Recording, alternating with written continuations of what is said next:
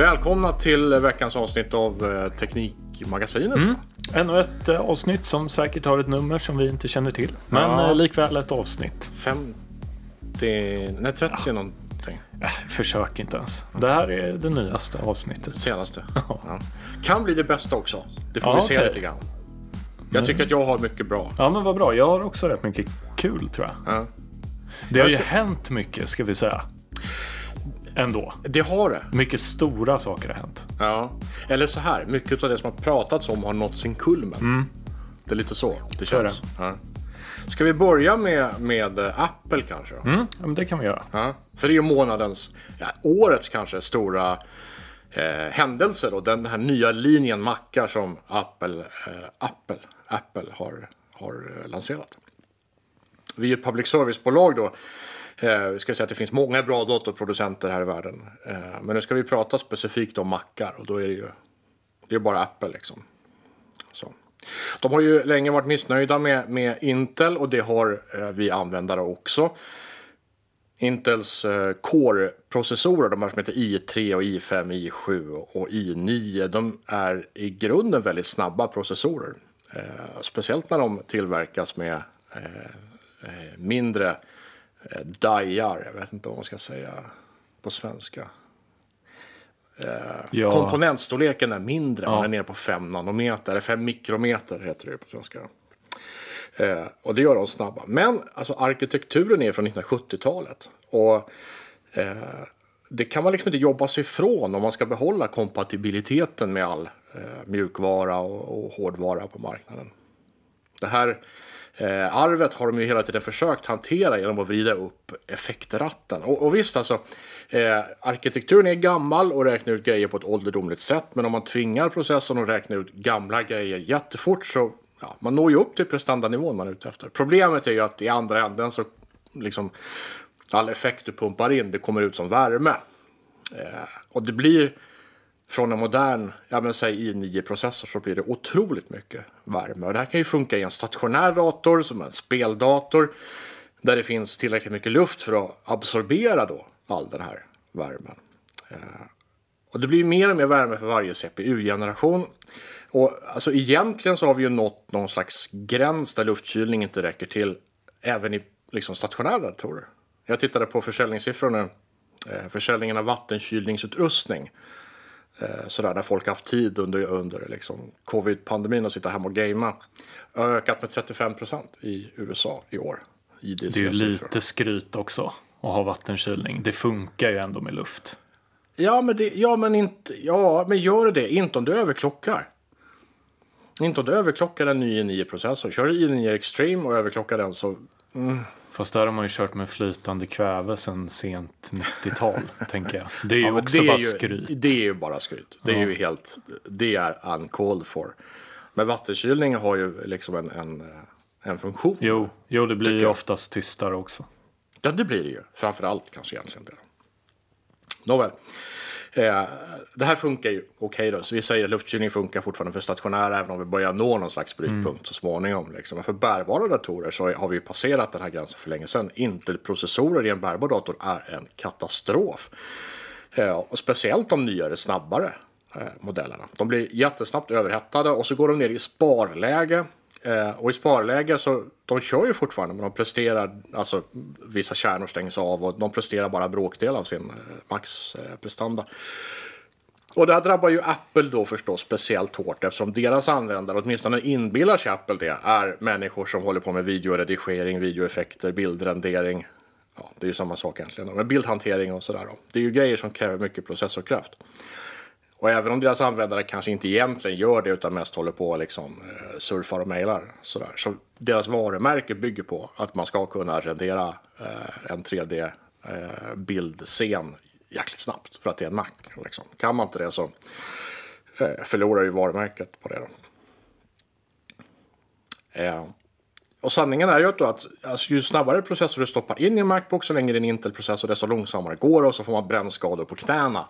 För de blir jättevarma. Det kan jag skriva under på. Ja, det blir jättevarmt.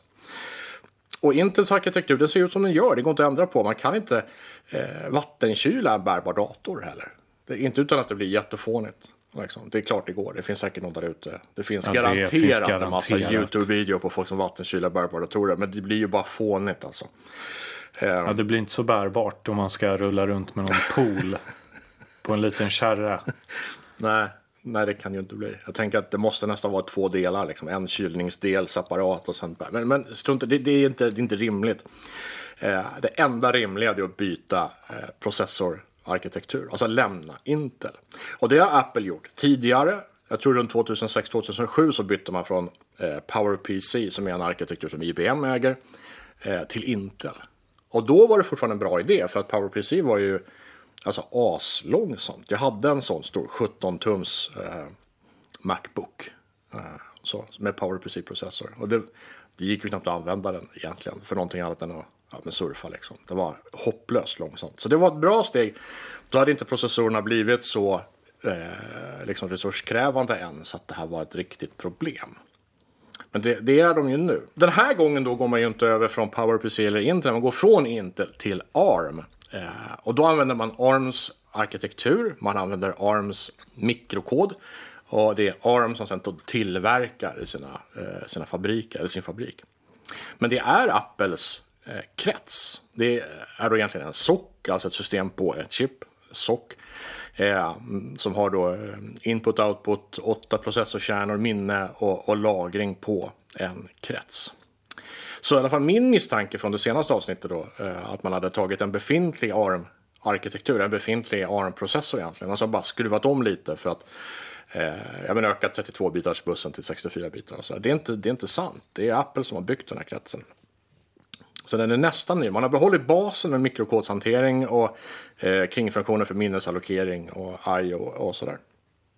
Från, från ARMs grundarkitektur, men det är en egen eh, processor. Och det här innebär också att x86 och x64 instruktionssätt inte funkar längre. Det är ju inte en Intel-kompatibel CPU det här, så man har eh, byggt in då mikrokodsöversättning i processorn. Rosetta 2 kallas den. Eh, den översätter då eh, maskinkod i realtid och sen skriver den om den till ARM-instruktioner för nästa körning. Så det är egentligen bara första körningen som, om översättningen går bra, som man använder översättningen. Då. Eh, men går den inte bra eller programmet hänger sig eller någonting så finns det en kopia kvar utav eh, då, den gamla eh, versionen. Så. Men tanken är att, man ska då, att den ska då översätta och bevara det översatta. Det här verkar funka bra. Testare har ju upptäckt program som inte funkar förstås. Eh, Adobe Acrobat vill inte installera. Microsoft Edge, webbläsaren, den krånglar. Eh, skrivardrivrutiner verkar strula väldigt mycket.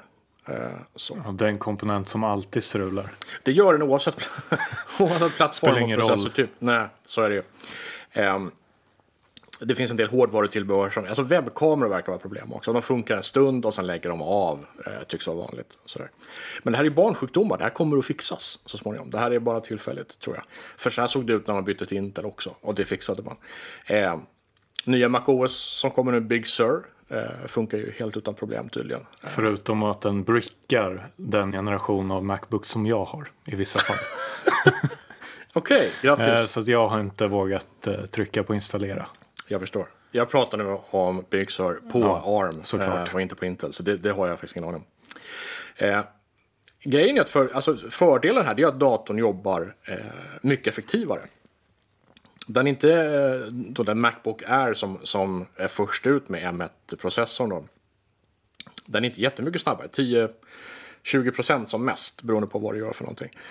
Och det hade man kunnat uppnå utan problem med Intel-processorer eh, också genom ja, fixa till och skruva lite här och där. Eh, men det är just det där, datorn bränns inte längre. Den går inte ner i effekt utan den håller samma, effekt, eller samma kapacitet hela tiden. Eh, mycket effektivare och så räcker batteriet mycket längre. Så det här är då eh, liksom i linje med Apples pekdatorer och telefoner. Man kör system på ett chip. Eh, Det som eh, iPhones och eh, iPads A-serie eh, då. Eh, Processor. Chip, alltså systemchippar då. Ja, de Och kör det- ju fläktlöst till och med i vissa bärbara nu och det verkar ju funka över förväntan. Ja, det funkar ju nu. Eh, precis, och det här är något som Apple kan för man har hållit på med iPhone i ja, 13 år och iPad i 10 tror Eh, så det här är ju inte, det här är inte nytt för Apple. Det är ju det här de har egentligen bytt till någonting de verkligen kan från någonting som har varit lite fringe. Eh, sådär. Ehm, så att eh, liksom, företagets bärbara datorer, de blir iPadar. Eh, Jag vet inte vad som kommer hända med de stationära. Så att Mac, vad heter den då? Pro, den stora. Det kom nyhet idag tror jag att det kommer nästa höst så verkar någon läcka säga att det kommer en till serie proppar Okej. med lite fler eh, kärnor och sådär. Mm. Eh, så man går väl åt det hållet också. Eh, där lär man väl dock ha kvar kylning och sådär. Jag ser inte riktigt någon poäng med att göra Mac Pro fläktlös i nuläget. Nej. Om man inte... Eller ja, alltså det, eller jag har svårt att se vinningen i det bara.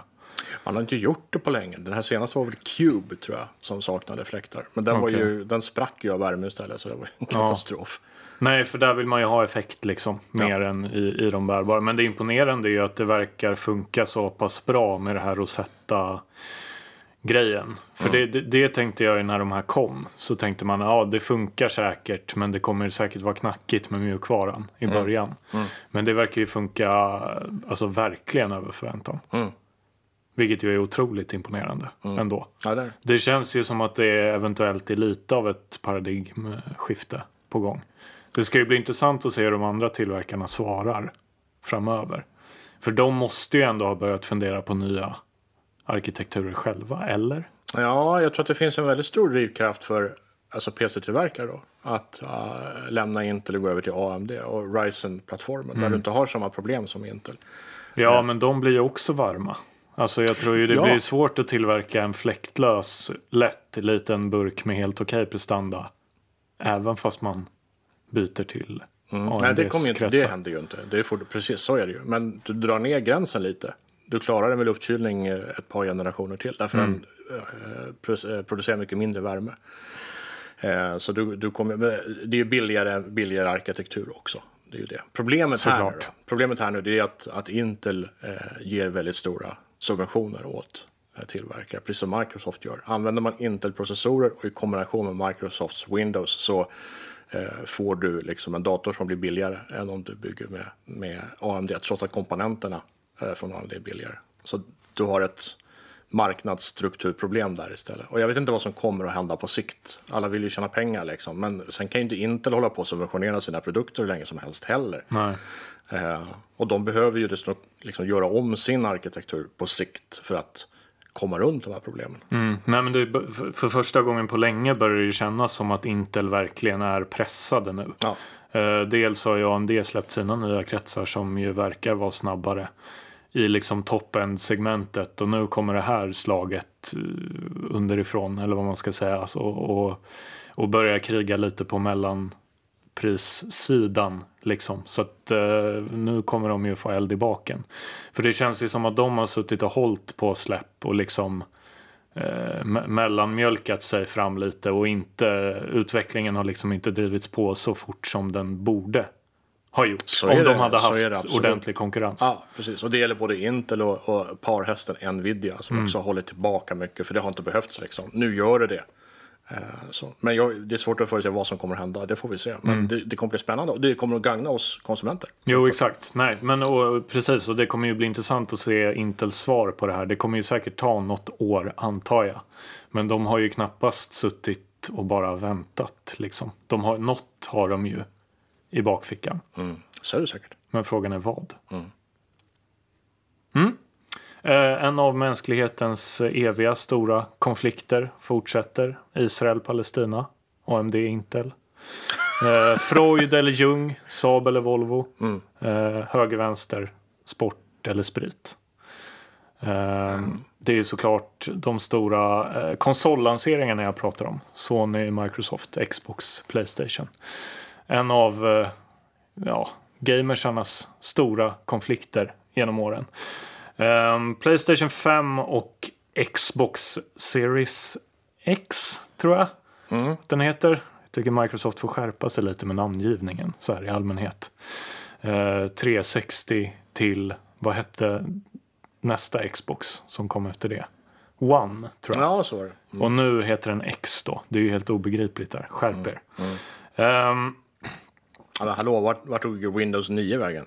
Ja, ja men verkligen. menar, alltså, tv-apparaters namngivning är nästan mer begriplig än eh, Xbox. Ja, i alla fall. Eh, båda de här lanseringarna präglas ju egentligen av att det är helt omöjligt att få tag på en konsol. Överhuvudtaget egentligen. Eh, just nu verkar det vara ganska mycket svårare att få tag på en PS5. Xbox verkar det som att om man, om man har förbokat i tid så har man fått den i alla fall. Eh, flera medier beskriver det som ett fiasko till och med för att det är så himla svårt att få tag på Men konsoler. vadå, är det cykelproblemet att det inte finns? Fabriken har stängt? Eller är det alltså det, ja, är det, det är lite, alltså de pratar ju dels om att efterfrågan är jättestor. Vilket jag på sätt och vis nog delvis i alla fall kan tro på. Mm. För att, eh, ja, pandemin. Mm. Man ska ju sitta hemma liksom. Men eh, sen så, jag läste någon som hade tittat på eh, de- har ju blivit större också, konsolerna, rent fysiskt. Liksom. Så att det var så här, ja det behövs mer lastbilar för att köra. så att, så jag vet, och sen eh, är det ju också ett växande problem med så kallade scalpers då. Som förbokar jättetidigt, köper upp alla konsoler. Så att, eh, ska För du, att vadå, sälja vidare? för att sälja vidare Ah, dyrare. Ska du ha en PS5 då får du ju betala 2000 euro istället för ja, men dra. 500 vad den, som den kostar egentligen. Okej. För att eh, ja, folk skriver ju bottar och grejer som sitter och förbokar och köper och, Mm, och sådär. Alla nya som kommer upp blir liksom uppköpta. Ehm, jag såg här för ett tag sedan, eh, jag är ju uppvuxen på Lidingö, det är ju du också. Eh, Jag är med i någon sån här, eh, vi som bor på Lidingö-grupp typ. Japp. Och då var det någon som började lägga upp bilder på himlen. Där flygplan hade ritat liksom fyrkanten, trekanten, krysset och, och ringen från handkontrollen på PS5. Det här visade sig sen att det var en del i, i marknadsförings kampanjen helt enkelt. Frågan är ju varför man ens fortsätter med sin kampanj när det är omöjligt att få tag på en konsol. Hypen antar jag, men den finns ju liksom redan där på något vis. Eh, Man måste använda upp sin marknadsföringsbudget, annars Ja, får det, inga pengarna det är nästan ett hån till dem, tänker jag, som har förbeställt det. Ja. Eh, ja, och alla de som vill ha en konsol kommer ju köpa en oavsett. Liksom. Eh, men ja, jag kommer aldrig förstå mig på marknadsföring riktigt. Eh, men skit i det nu, själva konsolerna då. Eh, PS5 är jätteful och Xbox är en svart fyrkant. Det är mitt, min take på det hela. Båda kostar ungefär samma. Det finns eh, två versioner av båda konsolerna.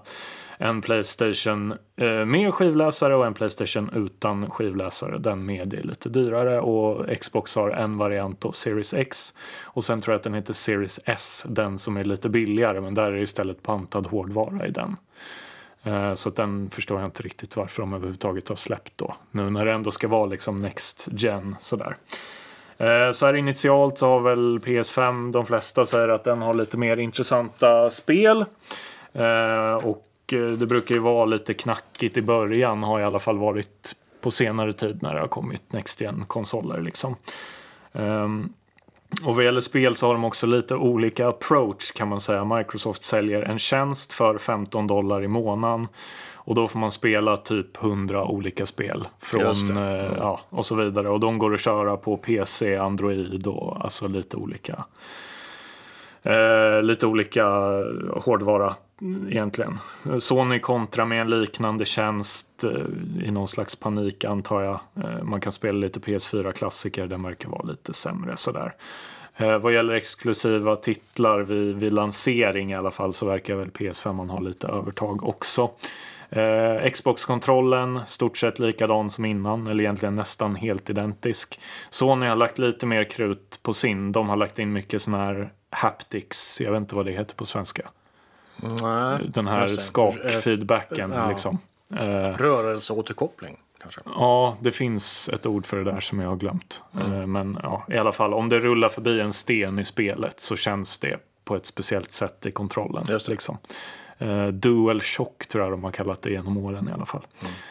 Um, hårdvarumässigt Eh, så eh, CPUn i PS5 är en 8-kärnig AMD 3,5 GHz Zen 2. I Xbox Series X lite mera kräm, 8-kärnig, sen 2 samma propp men ja, lite högre klockfrekvens, 3,8 GHz.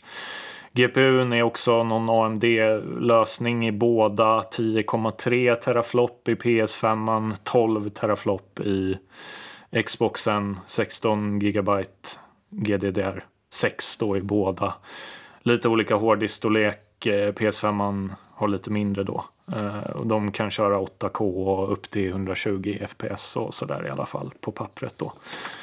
Ehm, så att egentligen ganska identiska. Det har varit lite intressant nu när eh, folk har hunnit liksom prestandatesta båda de här sida vid sida. Så, så rent på pappret hårdvarumässigt så har ju Xboxen typ 10-20 procents övertag. Men i verkligheten verkar det inte vara så.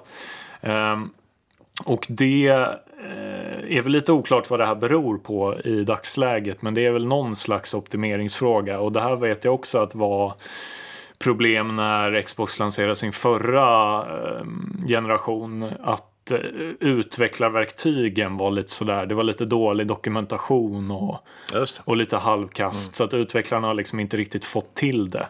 Så att det mesta verkar, trots då lite sämre hårdvara, hårdvara flyta bättre på PS5. Um, ehm, och eh, ja, det är lite konstigt egentligen med tanke på liksom hur stor mjukvarutillverkare Microsoft är. Så tycker man ja, lite... fast Microsoft har aldrig varit känd för att optimera sin kod på något sätt. Nej, så jag tycker precis, nog det låter men, rätt rimligt. Ja, liksom. men i liksom. alla fall alltså, lite, ändå... lite ordentlig dokumentation kan man i alla fall skicka med.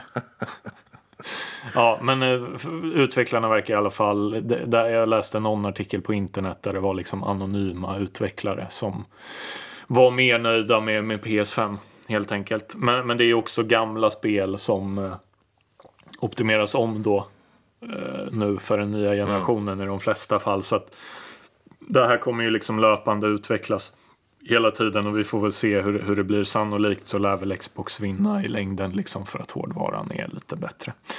Eh, och jag vet inte, det där är väl någon slags sammanfattning men samtidigt så, så börjar jag också fundera på det här att Um, nu för tiden, det här har ju förändrats Jag kände mig gammal när jag satt och gjorde den här sammanställningen. För nu så har ju eh, båda konsoltillverkarna har ju sina liksom ekosystem som man har köpt in sig på. Så att jag tror inte det här spelar så stor roll egentligen. Alltså, de är ju, det, som, det, man kan säga som är bra med de här nya konsolerna är att de är ju bakåtkompatibla som attan jämfört med tidigare generationers lanseringar. Och det är ju för att de kör X86 eh, bla bla allihopa så att det är ju lätt att porta spelen till till nästa, eller man behöver väl inte ens porta då, men eh, i alla fall. Så att eh, alltså, man har väl redan bestämt sig innan. Om jag sitter med liksom Fifa till min Xbox One så kommer jag ju köpa en Xbox X för att då kan jag ha kvar alla mina spel. Så jag vet inte. Ja, men är man så trogen tror du? Nu för tiden så tror jag att man börjar bli det just för att det här är ju en taktik från tillverkarna. Att de, de pressar in en i, i sitt fack liksom. Sen handlar det ju säkert såklart lite också om eh, vilken konsol ens kompisar har. Mm. För att alla spel är ju inte cross-platform ännu. Mm. Det, det, går ju mer och mer åt det hållet att du som har en Xbox kan spela med din kompis som har en PS5 och så. Mm. Mm. Men, eh, men det lär ju avgöra lite också. Eh, men, men de här är ju till och med kompatibla tillbaka till liksom Alltså original Xbox-spel. Vissa av dem går ju att köra till och med. Jag tänkte, du kom in på mitt rum här för ett par dagar sedan och pratade om att du, du har fått en... Äh, Ett litet sug. Craving, ja, ja. precis. Äh, jag är ju speldatormänniska. Jag har, mm. jag har spelkonsoler, men det är mest för att det ser snyggt ut i bokhyllan. Ja, ja, det jag gör, ju, det gör du ju inte då. Det säger ju mer om din Nej, PS4... smak vad gäller inredning. ja, men PS4 var lite snygg. Den ser du. Nej, okej. Okay. Uh, I alla fall, så är det. Uh, men vilket läge är du? Vad är fördelen ja, med att ha en spel? en Xbox som ja, jag köper. Men varför köper du en, en För att jag har... Ja, bra fråga. Nej, men det känns lite mer casual tror jag. Jag har blivit för gammal. Jag kan inte sitta åtta timmar om dagen och nöta Dota och försöka bli bra på det. Liksom. Jag vill ju bara starta upp något i 20 minuter och ligga i soffan med en öl och trycka på lite knappar på en kontroll känner jag. Eller det här var ju min tanke då. Det kommer ju såklart, om jag köper en konsol så kommer jag göra det en gång. Sen kommer den ju stå och ruttna i ett hörn. Men min tanke är att det är lite lättare, alltså att casual-spelmarknaden är liksom större och lite mer lättåtkomlig och sådär. Mhm. Man kan, ja. Jag saknar ju den bekväma sittställningen framför ett skrivbord och sen mus och tangentbord. Eh, Jo, Sitta på alltså- en spelkonsol ger ju inte samma eh, liksom, Jag tycker det beror känsla. på hur, eh, vilken typ av spel det är. Liksom vilken input man måste ge. Det är ju FPS är ju horribelt på. Ja, konsol. precis. Det går ju inte. Men det, det är... Men strategispel liksom. Jo, jo, men jag tänker att man vill hoppa runt. Alltså köra någon plattformar bara lite slappt. Springa runt och Men gör hoppa man det över. fortfarande? Ja, men det tror Brothers, jag liksom. kanske man gör. Eller jag vet inte. Det, det var ju en, någon slags i- idyllisk tanke jag har om att jag ska sitta i soffan och spela. Jag tror inte att det kommer hända. Mm. Men eh, Jag gillar ju tanken, en tanke med spelkonsol gillar jag och det är att de är och specifikt då Sonys Playstation. Liksom. De är specifikt byggda för att spela spel på. Det är inga kompromisser, det är inga skrivarrutiner som krånglar. krånglar det är Fast nu börjar det ju bli det. Om man Aj, kollar, jag har sett lite demos på UI liksom nu och det finns ju massa YouTube och Netflix och grejer där. Det tycker jag stör lite. Jag håller med, man skickar in skivan och så är det spel Ja, liksom, men som precis, gäller. det är så jäkla dedikerat. Ehm, liksom. Men sen är det ju också det här med att spela om man har lite kompisar över. Mm. Sådana spel, liksom. Tänker jag. Men eh, ja, nej, jag har som sagt heller aldrig varit någon stor konsolmänniska. Men jag hade något svagt ögonblick där förra veckan när jag trodde att jag skulle bli det. Men det kommer nog inte hända. Eh, ja, hur som helst så går det ändå inte att köpa dem då. Eh, förutom Xbox. Jag såg faktiskt att det låg ett par stycken inne i en butik här på Åland som jag var inne i förra veckan. Eh, som ingen verkade ha plockat upp. Men ja, som sagt, någon slags eh, sammanfattning av läget där. Men jag tror ju att, att eh, man har sitt läge redan och man håller sig lite till det. För i övrigt så verkar det ju inte vara så himla stor skillnad på dem egentligen. Okej, vi byter ämne. NASA Mm. eh, händer det ju grejer på. NASA är någonting som är väldigt kop eh, tajt kopplat till presidentposten. Eller för att vara mer exakt, vicepresidentposten. Det är alltid vicepresidenten i USA som är chef för NASA. Som Mike Pence nu då. Eh, och nu ska det ju bli en ny presidentadministration i USA. Och det innebär ju också att allting som NASA har gjort, det måste liksom göras om och omvärderas. Och det här händer vid varje presidentval. Det är liksom ingenting nytt. Eh, Det finns ett eh, skäl till att John F Kennedy ville åka till månen under sin president eh, period, Liksom och inte planera in någonting som skulle hända under nästa fyraårsperiod. Det var liksom inte ens på kartan. Så här har det alltid varit. Det är svårt att hitta politikområden där Donald Trump har varit konsekvent. Man får tycka vad man vill om hans, hans politik eh, liksom, och hans konservativism och, och sådär. Eh, jag menar, jag är inte amerikan, jag kan ändå inte rösta. Eh, sådär. Det här är bara liksom, teori, politikteori för mig. Men han har ändrat sig ofta beroende på vilken rådgivare han har lyssnat på. Eh, och med det sagt då, så kan man ändå konstatera att just NASA har han satsat på hela tiden. Eh, antagligen för att det är ett område som syns utåt. Det är lätt att få eh, liksom, plocka politiska poäng på att eh, landa på himlakroppar och eh, bränna stora raketer och sådär. Eh, det är ju under hans administration som USA har tagit klivet tillbaka till, till rymden på egen hand. Då måste man komma ihåg. SpaceX och det här, det hände ju eh, on his watch. Liksom. Eh, han utsåg en ny NASA-chef. Administratör heter det då. Eh, Jim Bre eh, Bridenstein heter han, eller Bridenstein, Jag är lite osäker på uttalet faktiskt. När kongressförhören hölls med honom så, så visade det sig att han, han inte trodde att människans aktiviteter påverkar klimatet. Och, och det kan man ju tro förstås. Eh, så. Men, men man får ju problem om man tror på det som NASA-chef eftersom det inte är sant. Och som NASA-chef måste du liksom... Det bygger ju väldigt mycket på verklighet. Ja, och vad vetenskapen säger, Ja, tänker jag. annars ramlar raketen ner. Eh, Det är liksom så. Du måste, måste koncentrera på fakta. Eh, det lustiga med, med eh, Jim Bridenstine, då, om vi, om vi eh, tror på det uttalet, det var att han lät sig utbildas av NASA-experterna. Han, han kunde liksom snart konstatera att, att ja, han hade bytt åsikt. Han hade fått fakta presenterat för sig och han lyssnade på det och han bytte åsikt. Och han har varit en enorm tillgång för NASA. Nu är det så att han är då eh, registrerad republikan, så han röstar på, på Trump. Eh, och, då säger ju kutymen att han ska bytas ut under en demokratisk president som Biden. Och det här har då fått NASA-folket att strejka, inte handgripligen men, men ja, eh, liksom visa sin stora sympati. Ja, precis. Eh, han är omistlig för NASA anser man. Han har lätt för att förstå komplicerade sammanhang. Han är inläst på allt NASA håller på med, så hans kunskaper är en eno- enorm tillgång för NASA. Eh, Så låt honom stanna för Bobs skull, har budskapet varit. Och själv säger han eh, att han kommer inte att stanna kvar än som han blir tillfrågad. Eh, Och det tycker jag är ganska stort, därför han säger så här. NASAs uppgifter är för viktiga för mänskligheten för att det ska finnas ens något tvivel om att NASA-chefen inte är lojal mot sin administration. Jag tycker det är mm. uppseendeväckande snyggt sagt. Liksom. Men eh, tyvärr då så innebär det att i januari så, så eh, försvinner han nog. Vem som tar över? Det finns spekulationer, men ingen som är, verkar liksom vara sådär hundraprocentig. Det får man nog se. Det beror väldigt mycket på vad Biden säger. Han har inte liksom släppt sitt regeringsprogram än. Så det, Men NASA ligger väl inte högst på listan just nu skulle jag gissa. nej, det är exakt, det är ju så. Eh, Just nu så ligger ju flera planer liksom i pipen för att bli av.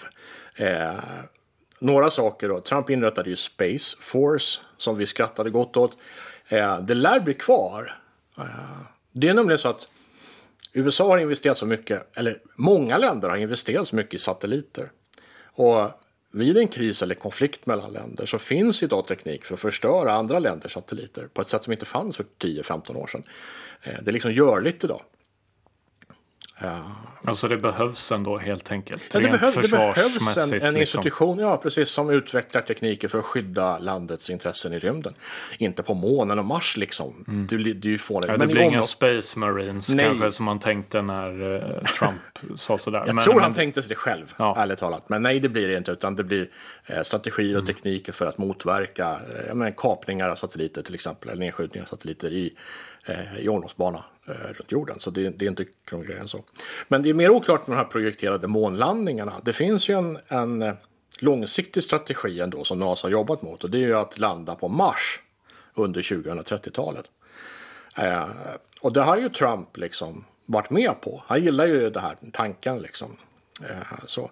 Och, och tanken är ju att, att man först då ska bygga en permanent bas på månen och det har Trump sagt uttalat att när vi återvänder till månen så blir det för att stanna kvar där. Så bas på månen, eh, en eh, eh, rymdstation i omloppsbana runt månen för att eh, ta emot och skicka tillbaka alla månlandare som ska gå i skytteltrafik återanvändas. Eh, sådär. Mindre fokus på ISS, mer fokus då på den här nya Gateway ska stationen heta. Men allt det här kostar ju enormt mycket pengar och som du säger med ett USA som är fullkomligt lamslaget av pandemins effekter i ett land utan välfärdssystem där folk köar, eh, liksom motorvägarna är fyllda av bilar som köar efter mat för att klara dagen. Liksom. Då, så det är svårt politiskt att motivera att man ska bygga en ny rymdstation i omloppsbana runt en annan himlakropp. Och sådär. Så vi, vi får se vad som händer. Eh, förmodligen så kommer allt det här att skäras ner. Och det är ju, ja, men det är ju trist tänker jag. Alltså mänskligheten behöver ju ändå det här och se fram emot på något sätt. Och vi lär oss mycket av det. Och frågan om liv på Mars kvarstår ju. Liksom. Eh, och att ändra på allt det här bara för ett par dåliga år i mänsklighetens historia känns sådär. Men Fast det är väl, eh, samman, samtidigt så är det väl bra om folk överlever tänker jag. Liksom. alltså jag tror att det finns pengar till bägge om man kanske inte bygger så mycket kärnvapen. Jo, typ. absolut. Men jag tänker, är det inte dåligt att det inte finns ett större och bättre samarbete kring den här typen av frågor egentligen? Rymdfrågor. Ja. Ja, Fast det kanske inte nog, men- driver konkurrens då, eller jag vet inte. Ja, men så här, det intressanta med USA är ju att eftersom man inte har något välfärdssystem som kostar 30 procent av BNP varje år, som hela Europa har. Det är ju liksom grund, inte problemet, men, men grund, det är fundamenta i detta. I och med att du har de medlen över och gör vad du vill med, så har USA kunnat liksom leka med de pengarna. Med tiden så har det mesta lagts på försvaret. Pengarna som NASA får är ju en bråkdel av vad försvaret får. Alltså en pytte, bara det syns knappt i marginalen. Liksom. Men man har ju kunnat satsa mycket då och då på rymdutforskning eftersom man har de här medlen eh, att liksom leka med när man inte behöver betala tillbaka dem till folket för att de ska klara sig. Eh, Europa har ju, vi har ju ESA, Indien har sitt rymdprogram, men alla nationer förutom USA satsar ju på välfärdsprogram också. Och då blir ju den, den delen av samhällets budget mindre att lägga på annat än kärnverksamheter för samhället, som rymden då till exempel. Så därför kan inte mänskligheten liksom satsa mer på rymdutforskning än vad vi gör. Förutom USA som kan det. Och nu har de andra problem. Så att jag, vet, jag tror inte att det finns så mycket att göra åt det här. Vi är beroende av att USA inte har något riktigt välfärdssamhälle. om vi ska utforska rymden, tyvärr. Mm. Eller att vi ställer om vårt samhälle på ett sätt som bara Star Trek liksom kan drömma om. Ja, nej, det är ju en prioriteringsfråga såklart. Ja, men det är ju det. Det, är ju det. Mat på bordet smäller ju högt. Liksom. Mm, eller månen. Det är de två man har att välja på. Mat eller månen. Mm. Mm. Så vi får se. Mycket spännande att se i alla fall, oavsett hur det går. Eh, vad som händer efter att Biden tillträder i januari. Ja, eh, musik är ju något som jag är rätt intresserad av så här i allmänhet. Eh, och eh, jag har sett lite intressanta grejer på musik och teknikfronten här Eh, på den senaste tiden. Jag tänkte att du ska få höra ett litet klipp här. Vad tror du att det här är?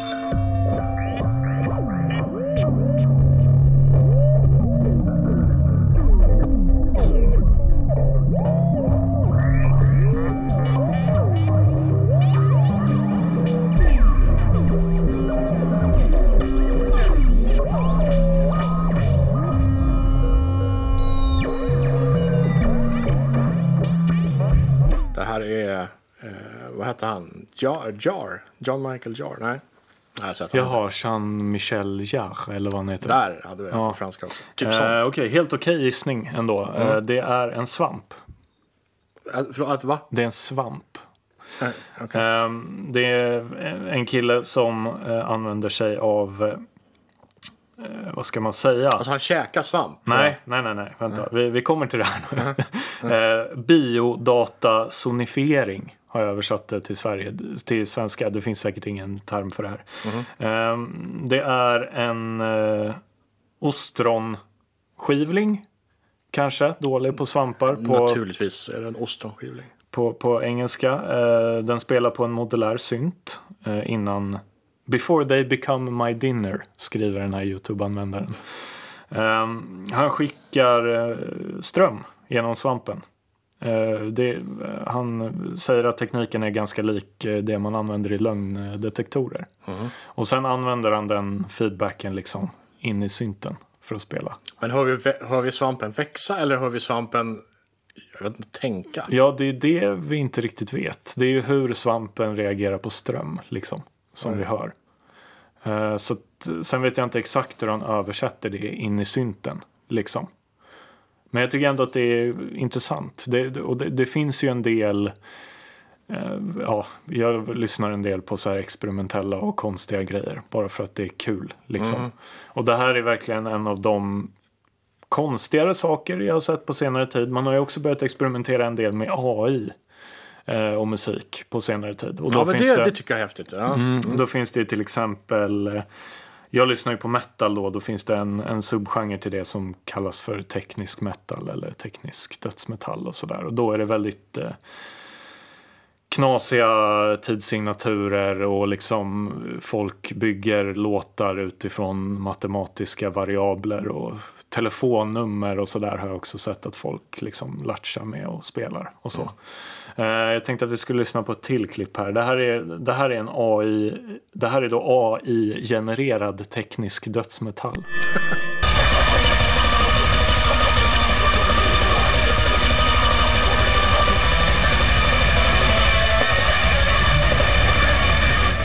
spontan reaktion. Det låter som dödsmetall, så långt jag är med. Det här, är ju, det här är ju med din musik än min kanske då. Ja, exakt. Ja, lite, lite mer svårsmält än, än svamp, äh, syntsvampen kanske.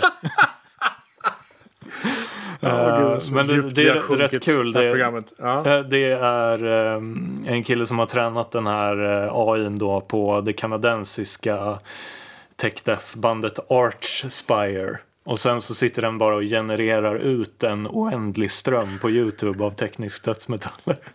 Som stundvis faktiskt låter förvånansvärt bra. Mm. Och, och riktig. Liksom. Just att det är så uppbyggt på liksom matematik och liksom hackigt, eller vad man ska säga, gör att det, tror jag i alla fall, är lite lättare att generera än annan musik som är kanske inte mer dynamisk, men, men i alla fall. Det, det jag, finns tror, en, jag tror att- AI-genererad opera är det, slutliga svårighetsprovet. Det blir nog svårare ju vokalare det blir. Liksom. Ja, det tror jag också. För här, jag, det har jag också tänkt på, att det som låter mest knasigt är ju sången. Liksom. Ehm, för, för det är ju ändå en människa som, ja, det är ju människor som spelar på gitarrerna också, men, men liksom ändå. Eh, men det ska bli kul att se liksom vilka vägar det här tar och lite hur det tas emot. Det är ju ingen som sitter och lyssnar på, på AI-musik till vardags idag, tänker jag. Men, Nej, nej, men det ge- ska ju bli det kul att se. Du ska se. se vart det, vart det tar. Liksom. Och vilka typer av folk har ju hållit på med konstiga samplingar och eh, det finns ett band som heter Matmos som har gjort en hel EP utifrån samplingar från en tvättcykel på en tvättmaskin. Liksom. Men då har ju ändå de spelat in det och satt ihop det. Men det finns ju olika grader av liksom teknisk inblandning. Vintergatan bygger massa konstiga syntar och speldoser och, och sådär. Liksom. Så det, det, det här är ju en hel grej på något vis som, som hela tiden går framåt. Det finns en svensk eh, fysiker som heter Max Tegmark eh, som jobbar vid MIT tror jag det är nu eh, i USA. Som, som fysiker. Just det. Han har skrivit flera böcker. Han skrivit en bok som heter Livet 3.0. eh, Där han beskriver när AI-revolutionen slår till på allvar. Den, den, vi är ju inne i den nu, men den har inte riktigt tagit fart. Vi pratade om mackar förut. En stor del av processorkraften i M1-processorn eh, eh, Eh, är ju avsedd för AI, eh, alltså maskininlärning. När det här tar fart så kommer, ju, kommer ju vi människor, tror han, att eh, liksom i huvudsak konsumera musik som har skrivits av AI, filmer som har eh, eh, renderats av AI och liksom, människan tas bort ur den här loopen. Mm. Ja, jag är lite mer tveksam till det. Det känns ändå som att kulturen har något eh, inneboende väsen som lite försvinner. Nu var jag otroligt pretentiös kände jag. Men, Jag tror att det där eh, väsendet finns- kan, kan beskrivas i matematik. Absolut. Ja, ja det här har ju debatterats av filosofer i årtusenden så det är väl kanske ingen fråga vi löser här och nu. Men Ja, säg inte det. Säg inte vi får det. se. Hinner vi med en grej till eller behöver vi tappa tid här? Riva av en kort grej till. Lite, undergång, lite undergångsteorier då kanske. Lite snabbt så här. Eh, nu har solen roterat så att man ser den här enorma solfläcken som eh, stereosatelliterna upptäckte eh, på den sida av solen som vetter ifrån oss. Eh. Vi har ju satelliter som cirklar runt solen för att mäta solaktivitet för att kunna eh, förutsäga solvädret helt enkelt. Solen är ju nu inne i början av en ny 11-årscykel, så, så som solen eh, tenderar att vara, alltså inne i 11-årscykler. Eh, och eftersom det är i början så är solen väldigt lugn. Eh, men en solfläck är en varning om att ett magnetiskt fält håller på att bildas eftersom temperaturen går ner eh, där magnetfältet är som svagast och det skapar solfläckar. Kan, kan man tänka på det som någon slags vulkan som får utbrott var elfte år? Typ. Ja, kanske. Alltså för att bara Ja, förenkla. inte vart elfte år. Eh, Vulkanerna i så fall börjar där solfläckarna uppstår. Okej. Eftersom, Och det är, det är elektriska vulkaner, eller elektromagnetiska vulkaner i så fall. Eh, Den här solfläcken som man upptäckt, då, den är, är eh, alltså enorm. Även med historiska mått mätt. Och en urladdning skulle kunna bli alltså verkligen uppseendeväckande stor. Om då det här magnetfältet, det blir ju en, en båge liksom. Och så brister magnetfältet på grund av den elektrostatiska laddningen och så skickas liksom halva bågen ut i, i universum. Om den skickas när solen vetter mot jorden, eller mot där jorden är strax, liksom, då träffar ju den här, de här laddade kosmiska partiklarna jorden. Och då måste vår magnetosfär, som alstras av den roterande kärnan eh, inuti jorden, ta hand om och absorbera den här energin. Och är det för mycket kosmisk energi, ja, då kan inte magnetosfären absorbera det och då liksom landar laddningen enkelt uttryckt på jorden. Och då hamnar den i vår elektriska infrastruktur. Och det här har Ja, hänt. det är EMP överallt. Typ. Det är, precis, det är det det handlar om. Det blir en elektromagnetisk puls helt enkelt. Som när ett kärnvapen detonerar i, i atmosfären. Eh, det här vet vi först åtta minuter efter att det har skett. Så vi har egentligen ingen... Ja, vi, vi har väl kanske några timmar på oss i bästa fall att skydda oss. Men det är ju inget vi kan göra. Stänga av stora eh, du vet, landsomfattande elnät. Men det tar som regel längre än så. Eh, vi har ju den här berömda händelsen, The Carrington Event 1859. Eh, ja, 1859. Eh, och den solstormen som träffade USA mitt på, för USA vette mot solen liksom. Fick ju telegraftrådar börja brinna över hela kontinenten och telegrafister som satt i sina växlar de fick elstötar och liksom sådär. Eh, man såg norrsken över hela jorden i princip den natten för att eh, det blev som kraftig urladdning liksom. Eh, och problemet är att när det händer, vi har inget, man kan inte skydda sig mot så kraftiga EMP. Går inte med någon folie eller något? Stötar, nej. Eh, och Faradays burar, ja, hjälper ju kanske lite så här små elektronik. De underlägger... Eh, Skicka in mobiltelefonen. I en fågelbur liksom. Ja, kanske. Men inte på nationell nivå liksom. Det här innebär att vi kastas tillbaka till 1859 just. Eh, alla transformatorer liksom, på den kontinenten där det, där det eh, drabbar slås ju ut. Eh, och utan transformatorer så får vi ingen elektricitet och utan elektricitet kan vi inte bygga transformatorer. Så det här är ett verkligt problem som länders regeringar arbetar med. Men, men det blir ju katastrof då. Vi får se. Jag säger inte att det blir det, men om all, alla saker händer precis fel tillfälle så kan den här solfläcken som är så stor leda till eh, dramatiska konsekvenser på jorden. Ska vi säga så. Nu är det du och jag som går ut och börjar svetsa en stor bur runt hela holmen. runt hela Åland, ja. Ålandsburen.